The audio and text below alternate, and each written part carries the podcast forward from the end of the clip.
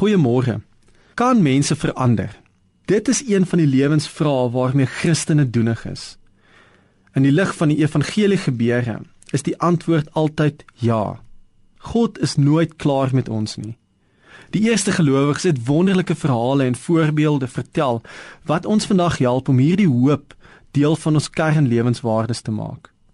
Ons verbeelding oor die potensiaal van hoopvolle vernuwing te midde van stikkende stories word gevorm deur verhale soos die verlore seun, die barmhartige Samaritaan, die vrou by die put, Saulus se bekering, Petrus se ontdekking oor afgodsoffervleis. Selfs Jesus se geslagsregister is vol van mense met stikkende verledes, maar hoopvolle nuwe stories.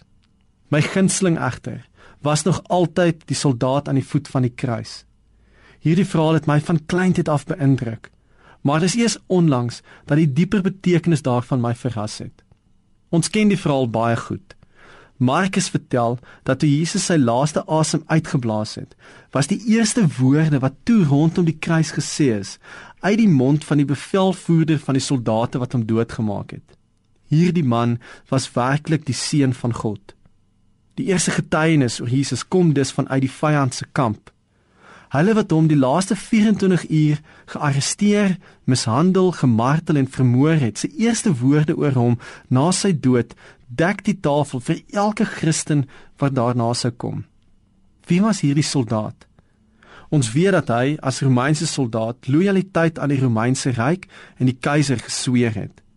Ons weet dat hierdie soldaat gereeld in sy lewe gehoor en bely het dat die keiser van Rome God is. Ons weet ook dat die vroeë kerk doelbewus die heerskappy taal en metafore van die Romeinse ryk op Jesus van toepassing gemaak het.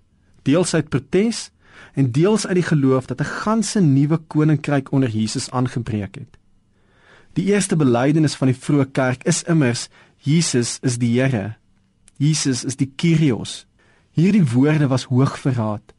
Dit is nie toevallig dat die eerste Christene deur die Romeinse ryk vervolg is nie.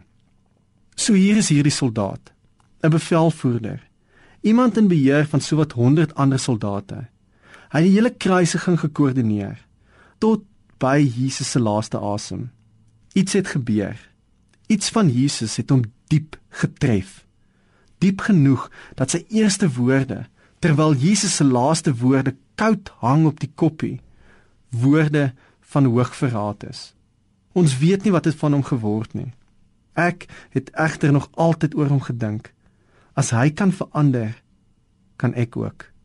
Vir Markus was dit egter belangrik om hierdie eerste getuie erkenning te gee. En daarmee dek hy die tafel vir wat daarna sou volg. Goeie nuus vir elkeen wat in die donker leef.